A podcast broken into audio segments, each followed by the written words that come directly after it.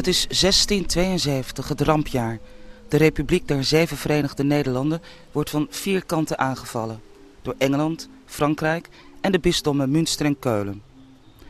Ineke den Hollander schreef een schrikkelijk jaar. De oorlog van 1672 in het noordoosten van de Republiek. In dit derde en laatste deel van deze podcast- en radioserie voor Drenthe Toen... volgen we dan eindelijk na de belegering van Koevoorde... eind juni, begin juli 1672 door de bisschop van Münster... Meindert van der Tijnen, die ze plannen maakt voor de herovering. Begin september vlucht hij met vrouw en kind naar Groningen om contact te zoeken met Rabenhout. Ineke den Hollander, Arsenaal, dat is eh, van oudsher een plek waar je je wapens bewaart, hè? Ja, daar werd uh, al het uh, materieel en munitie en alles werd daar opgeslagen. Dus de Slansmagazijnen uh, wordt het ook wel genoemd. Ja, en daar wordt uh, Meindert van der Tijn wordt daar op een gegeven moment commies over nadat hij zijn helderrol heeft gespeeld. Laten we even teruggaan naar, naar Meindert van der Tijnen. Hij was schoolmeester, hij was koster. Hij luidde de klokken, allemaal voor wat meer inkomsten. Want als schoolmeester, daar, ja, er was geen vetpot in die tijd. Dus hij deed van alles en nog wat om uh, wat meer uh, geld binnen te krijgen voor vrouw en kind. En hij heeft, was ook geïnteresseerd in vestingbouw. Dus tijdens die uh, belegering van uh, de bisschop van Münster en de verovering van Koevoorde in juli uh, 1672 heeft hij ook verslag gelegd. Van, die tien dagen duurde, dus hij had ook wel even de tijd. Van die tien dagen heeft hij inderdaad verslag gelegd wat er allemaal gebeurde. En ja, hij noemt zich daar in dat journaal, noemt hij zich ingenieur Meindert. Denk je dat, uh, dat hij een van de burgers was uh, die als hij niet zat te schrijven meehielpen met het blussen van de branden? Ongetwijfeld, want hij was uh, niet van oorsprong een Koevoordenaar, maar hij was wel heel erg begaan met Koevoorde. Dus hij heeft ongetwijfeld meegeholpen met het blussen van de branden, ja. Als je zoekt op uh, van der Tijnen, dan kom je hem al snel uh, in zinnen tegen waar het woord held ook in gebruikt wordt. En dat heeft alles te maken met, nou ja, eerst de verovering van Koevoorde, daarna de herovering van Koevoorde. Want hij speelt daar eigenlijk een hele belangrijke rol in. Ja, hij heeft dus uh, uh, tijdens die uh, belegering, nadat de bisschop hier dan Koevoorde veroverd heeft, heeft hij hier nog tot september gewoond. En in die tijd heeft hij echt vastgelegd, kaarten gemaakt en vastgelegd notities gemaakt over alles wat de bisschop veranderde. Want de vesting was natuurlijk uh, ja, behoorlijk verouderd. En die heeft bisschop wel helemaal weer uh, up-to-date gebracht. Dus uh, al de veranderingen heeft hij vastgelegd. En begin september is hij met vrouw en kind uh, gevlucht naar Groningen. Hij was ook bang dat hij uh, moest gaan werken voor de bisschop. Dus dat, uh, dat wilde hij wel graag voorkomen. En toen is hij naar Groningen gevlucht om daar in contact te komen met Rabenhaupt. En dus de, de commandant van Groningen. Om te proberen zijn plan aan de man te brengen. Zijn plan om Koevoorde te gaan heroveren. Voordat je dat plan uit de doeken doet hoe, hoe, vlucht je uit Koevoorde naar Groningen? Hoe doe je dat? Paard en wagen lopend door de moerassen? Ja, met paard en wagen inderdaad. Hij, hij is eerst natuurlijk uh, s'nachts waarschijnlijk Koevoorde uh, uitgegaan, want dat moest heel stiekem. En dat is natuurlijk het voordeel als je Koevoorde goed kent. Dan weet je altijd wel een weggetje te vinden om eruit te komen zonder dat dat uh, in gaten loopt. Vervolgens is hij naar Dalen gegaan en daar heeft hij een paard met wagen, of in ieder geval een wagen kunnen huren. uiteraard met paard ervoor. En uh, ja, twee dagen zijn ze onderweg geweest. Maar daar heeft hij helaas niks van opgeschreven in zijn dagboek. Dus dat... Uh, wel gevaarlijk lijkt me. Absoluut, ja. ja je trekt wel door belegerd uh, en ingenomen gebied. Dus... De, deden veel mensen dat, denk je? er waren heel veel vluchtelingen naar Groningen. Ja, er gingen echt heel veel mensen op de vlucht naar Groningen. Want Groningen puilde op een gegeven moment letterlijk uit van de mensen, zowel uh, de eigen Groningers, die allemaal vanuit het zuiden naar het noorden van de stad moesten om de bommen te ontlopen. En uh, de mensen uit de dorpen in de omgeving, maar ook vanuit Drenthe. Ja. Voordat we verder gaan met de, de, de belevenissen van deze Meindert, hoe was het leven onder de bisschop in een door hem belegerde vesting? Uh, ja, er werden natuurlijk heel veel eisen gesteld aan de inwoners. Uh, ze moesten belastingen betalen, ze kregen inkwartiering van uh, de Münsterse soldaten. Um, er zijn documenten overgebleven dat er matrassen gevorderd werden voor militairen die op het kasteel gehuisvest werden. Krijgen de opdracht om um, hout aan te leveren voor het herstel van de vesting. En dat allemaal voor eigen kosten uiteraard. Er is zelfs een verhaal dat uh, in uh, de mensen in Rolde een aantal mannen moet leveren met uh, hout en materiaal en ook met eigen voorzieningen in voedsel en ook voor de paarden. Haven voor de paarden moeten ze allemaal zelf meebrengen en dan moeten ze een aantal dagen hier komen werken aan, de, aan het herstel van de vesting. Je bent eigenlijk het bezit van de bezetter. Ja, dat klopt. Ja, je moet echt alles doen wat, wat er in, zo'n, in, in hun hoofden opkomt. Nou, geen wonder dan dat heel veel mensen willen, ook in het belang van de republiek denk ik, dat Koevoorde heroverd wordt. Want dat was, een, dat was een reële optie. Daar dachten mensen aan. Daar waren mensen mee bezig. Ook in Groningen en Friesland. Ja, in Groningen, uh, daar wilde uiteraard Rabenhaupt wilde Koevoorde weer heroveren. Alleen was hij heel voorzichtig. Uh, hij geloofde niet zomaar iedereen. Uh, Meindert heeft dus op een gegeven moment is tot hem doorgedrongen en heeft zijn plan op tafel gelegd. En Rabenhaupt ging bepaald niet over één nacht ijs. Dus die zei, nou je komt morgen maar terug. En de kaart die je mij nu hebt gegeven, die hou ik hier. En teken die kaart nog maar een keertje na, in het klein. Met, met andere woorden, uh, een soort van test. Kijken of hij het echt weet. er was inderdaad heel veel sprake van verraad. In, ook in Groningen liepen verraders rond. Uh, dus je moest gewoon heel uh, voorzichtig zijn en heel alert zijn. Maar ook in, in Friesland werden pogingen gedaan om, uh, om Koevoorde te heroveren. Want het was voor, alle, voor het hele noorden was het van groot belang om Koevoorde weer in handen te krijgen. Zodat ze de dreiging wat konden verminderen. Want zolang als Koevoorde in handen van de bisschop van Münster was ja, zaten, zaten de Münsterse legers natuurlijk wel heel dichtbij. Dus dat, uh, en dat, dat, dat klopt ook wel, want uh, de stad Groningen is zes weken lang uh, belegerd. Maar goed, toen die belegering opgeheven werd en de Münsterse troepen en de Keulse troepen daar vandaan gingen, bleef nog steeds die dreiging vanuit Koevoorde. Dus ook daarna was het van groot belang om, om Koevoorde weer te heroveren. Rabenhaupt kijkt dus de kat uit de boom met Meinet van de Tijnen, maar gaat tenslotte overstag en laat uh, een kaart maken en zijn plannen uh, uiteenleggen. Uh, Wat is er toen precies gegaan nadat Rabenhaupt en Meinet van de Tijnen zeg maar, met elkaar aan tafel zijn gegaan? Uh, ze hebben het plan wat Meinet had bedacht, hebben ze uitgeprobeerd. Het was inmiddels uh, november, dus uh, voor het plan was het belangrijk dat het zou vriezen. Wat, wat was dat plan?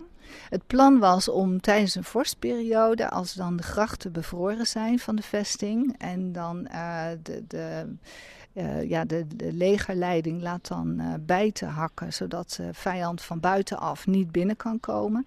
Het plan was om biezenmatten te maken en die over die bijten heen te leggen, zodat op die manier uh, de soldaten van Rabenhaupt. Je eigen mensen, zeg je maar. eigen mensen weer de vesting in konden. Ja, dat moest natuurlijk allemaal uh, stiekem gaan. Um, nou, ze gaan dus uh, uh, uiteindelijk gaat, krijgt Meindert toestemming van Rabenhaupt om zijn plan verder uit te gaan voeren. Dus die biezematten die worden gemaakt. Alles in het diepste geheim natuurlijk.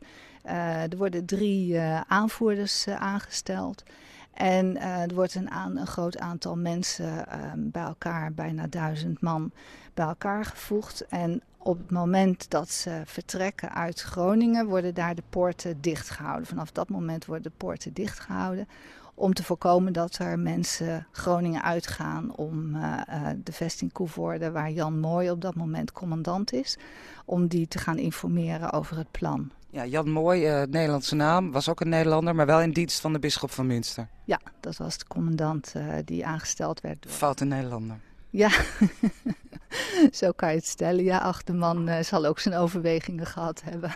Goed, zorg er dus voor dat niemand de, de, de, Jan Mooi kan informeren en, en dan? Ja, nou, dan gaat dat legertje dus van, vanuit Groningen op pad naar Koevoorde. En dan mislukt dat toch, dat al die voorzorgsmaatregelen blijken toch niet voldoende te zijn. Want er zijn er twee ontsnapt en die informeren Jan Mooi. Um, en die zijn dan dus vanaf dat moment heel alert. En hij laat ook twee dagen en twee nachten lang continu bewaking rondlopen. Alleen um, ja, de, het, het, het, legertje uit Groningen heeft een voordeeltje qua weer. Want ze verdwalen gedeeltelijk in de sneeuw bij uh, Borger. En een deel van het leger is dus losgekomen van het andere deel. Dus ze wachten op elkaar. En door die vertraging is inmiddels hier in Koevoorde het idee bij Jan Mooi ontstaan van nou, het is loos alarm, er is niks aan de hand, er is helemaal niks te verwachten. Dus die laat zijn bewaking weer uh, uh, rusten. Sterker, hij laat ze echt rusten, ze mogen naar bed. En op het moment dat iedereen lekker ligt te slapen, ja, dan komt dus alsnog die aanval in drie delen. Oorlog gaat over strategie, maar ook over of je het weer mee hebt. Absoluut, ja. Dat is in deze oorlog vaker het geval, ja. En op die manier wordt Koevoorde heroverd. Ja, dan uh, zijn dus vanaf drie kanten worden de, uh, wordt de vesting aangevallen. Vanaf het, uh, de bastions Gelderland en Holland. En aan de andere kant Overijssel. Dus het legertje heeft zich in drie delen gesplitst. En zij gaan dus met die biezenbruggen over die bijten in het ijs komen ze dan uh, bij de uh, vesting aan. Ja, ik vertel het nu even simpel, maar dat heeft ook nogal wat voeten in aarde. Want de, de, de biezenmatten laten op een gegeven moment los. En Meindert schrijft dan in zijn verhaal dat hij uh, eigenhandig die biezenmatten vasthoudt, zodat iedereen eroverheen kan lopen. Nou, dus dat loopt allemaal niet heel erg soepel, maar uiteindelijk weten ze dan toch de wallen te bereiken. En ja, het is natuurlijk sprake van een verrassingsaanval. Het wordt niet meer verwacht. En bovendien was er ook nog eens mist, zodat ze ze niet hebben aanzien komen. En plotseling verdwijnen ze, of verschijnen ze dan op de wallen en, en vallen ze aan. En dan is er nog een andere oorlogstactiek die gevolgd is. En dat is op een gegeven moment een tamboer de overwinningsmars te laten spelen. En daardoor schrikken de Münsterse heel erg, want die denken dus dat ze al overwonnen zijn. En die vluchten dan via de Bentheimer Poort deels, vluchten ze naar Bentheim. En dan houdt dat dus in dat ze eigenlijk natuurlijk ook met veel gevechten en verliezen ook wel. Er zijn ook veel mensen um, gedood, niet alleen Münsterse, maar ook mensen van het Groningse leger. En ja, uiteindelijk weten ze dus op die manier Koevoorde te heroveren. Hoe zou die overwinningsmars geklonken hebben, weet je dat? Ja, de Prinsenmars heet dat. Maar hoe die precies uh, klinkt, weet ik niet. Kunt hem niet even voor ons neuren? Ik weet wel dat... nee, laten we dat zeker maar niet doen. ik weet wel dat er ook het, het Wilhelmus gespeeld wordt. in zo'n situatie door, het, door de tamboers. En die gaat een stuk sneller dan we hem vandaag de dag zingen.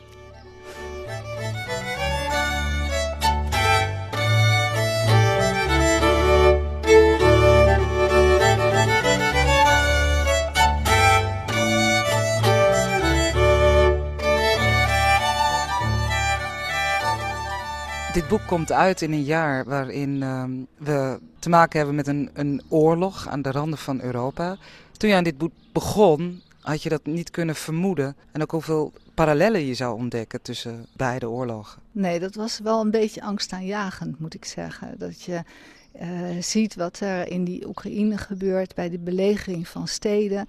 Dat ik gewoon echt een soort van, van ja, beleving krijg van datgene wat ik geschreven heb. Dat was wel heel, uh, heel griezelig om te zien. Dat daar zoveel. Uh, er zijn veel gelijkenissen. Ja, er wordt daar ook gewoon uh, een, een, stad omsingeld. En er wordt vanuit de lucht worden raketten afgeschoten. Nou, dat, dat werd in door bommenberendheid niet voor niks zo.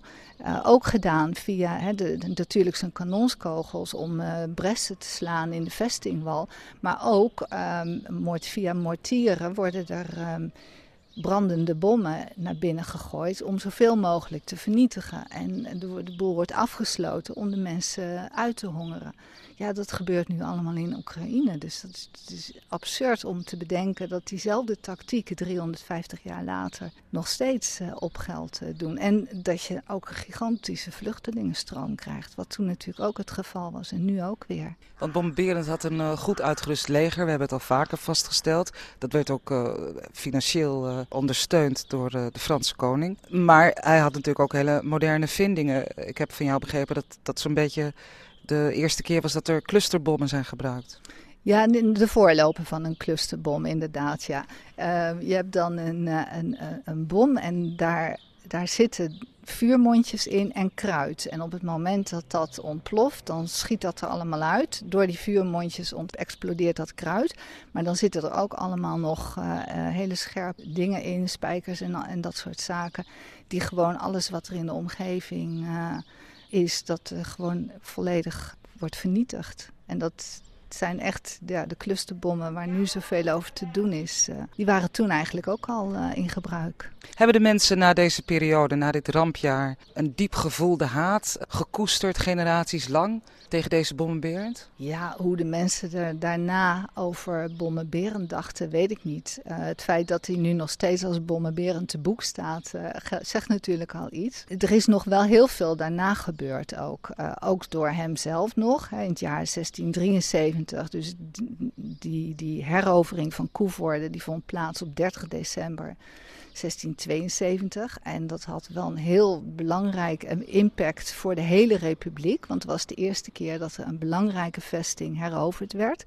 En de rest van de republiek, in, vooral in het, uh, in het uh, westen, ja, daar, die wa waren dan niet veroverd nog, maar die waren wel heel erg bang. En het scheelde ook vaak niet, niet veel of ze waren veroverd geweest. En dan was het natuurlijk einde verhaal geweest voor de republiek. Dus die herovering van Koevoorde had landelijk een heel belangrijke functie. En uh, in 1673 dan probeert die bisschop van Münster opnieuw Ko Koevoorde te veroveren. En dat doet hij op een hele andere manier. Dat is wel een interessant verhaal. Maar wat ik al zei, dat moet je dan maar in het boek dan lezen. Dan moeten we het boek maar lezen, ja goed. Maar die oorlog zelf, uh, die met de bisschoppen van Münster en Keulen die uh, capituleren in uh, 1674. Maar de oorlog met Frankrijk die gaat nog eindeloos lang door. In 1678 houdt het wel op, maar dan beginnen ze weer opnieuw. Uiteindelijk is er eigenlijk sprake van een oorlog van 30 jaar, vanaf 1672 tot 1712 gaat het nog door. Er zijn heel wat mensen in die oorlog geboren, of mensen die niet beter wisten dan dat het oorlog was. Het is in feite een 30-jarige oorlog met Frankrijk vooral. En dat is een, een soort van, hoe zal ik het zeggen, tussen Lodewijk XIV en Willem III de prins van Oranje en uiteindelijk ook nog eens een keer de koning van Engeland, die uh, een, een soort van uh, tweestrijd houden. Al die jaren lang. Dus, en daar wordt de republiek uh, qua financiën wel heel erg door uitgeput. Het, de oorlog speelt dan niet meer op dit grondgebied. Maar het gaat wel nog heel lang door. En dat kost gewoon heel veel geld voor de republiek. Die niet besteed kan worden aan de heropbouw. En je hebt mensen die eigenlijk niet, niet beter weten dan dat hun leven zich afspeelt in de oorlog. Ja, ja inderdaad. Een beetje de, uh, ja, het vervolg op de 80-jarige oorlog. Dat ging toen tegen Spanje, dit ging tegen Frankrijk.